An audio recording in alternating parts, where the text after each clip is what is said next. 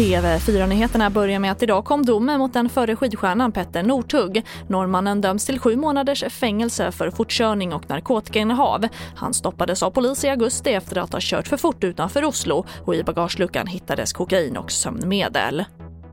Och regeringen C och L har enats om att omgående lätta på kravet att sjukskrivna ska söka jobb brett efter 180 dagar för att inte förlora ersättning, det rapporterar SVT. Beslutet gäller från och med idag och omfattar även personer som har passerat gränsen under hösten. Och idag ska regeringen fatta beslut om inreseförbud från Storbritannien, vilket flera andra länder redan gjort. Bland annat våra grannländer Norge, Danmark och Finland. Och anledningen är den nya, väldigt smittsamma mutationen av coronaviruset som har fått spridning där. Ja, här i London så börjar man nu se på de stora flygplatserna att allt fler avgångar till olika europeiska länder ställs eh, in.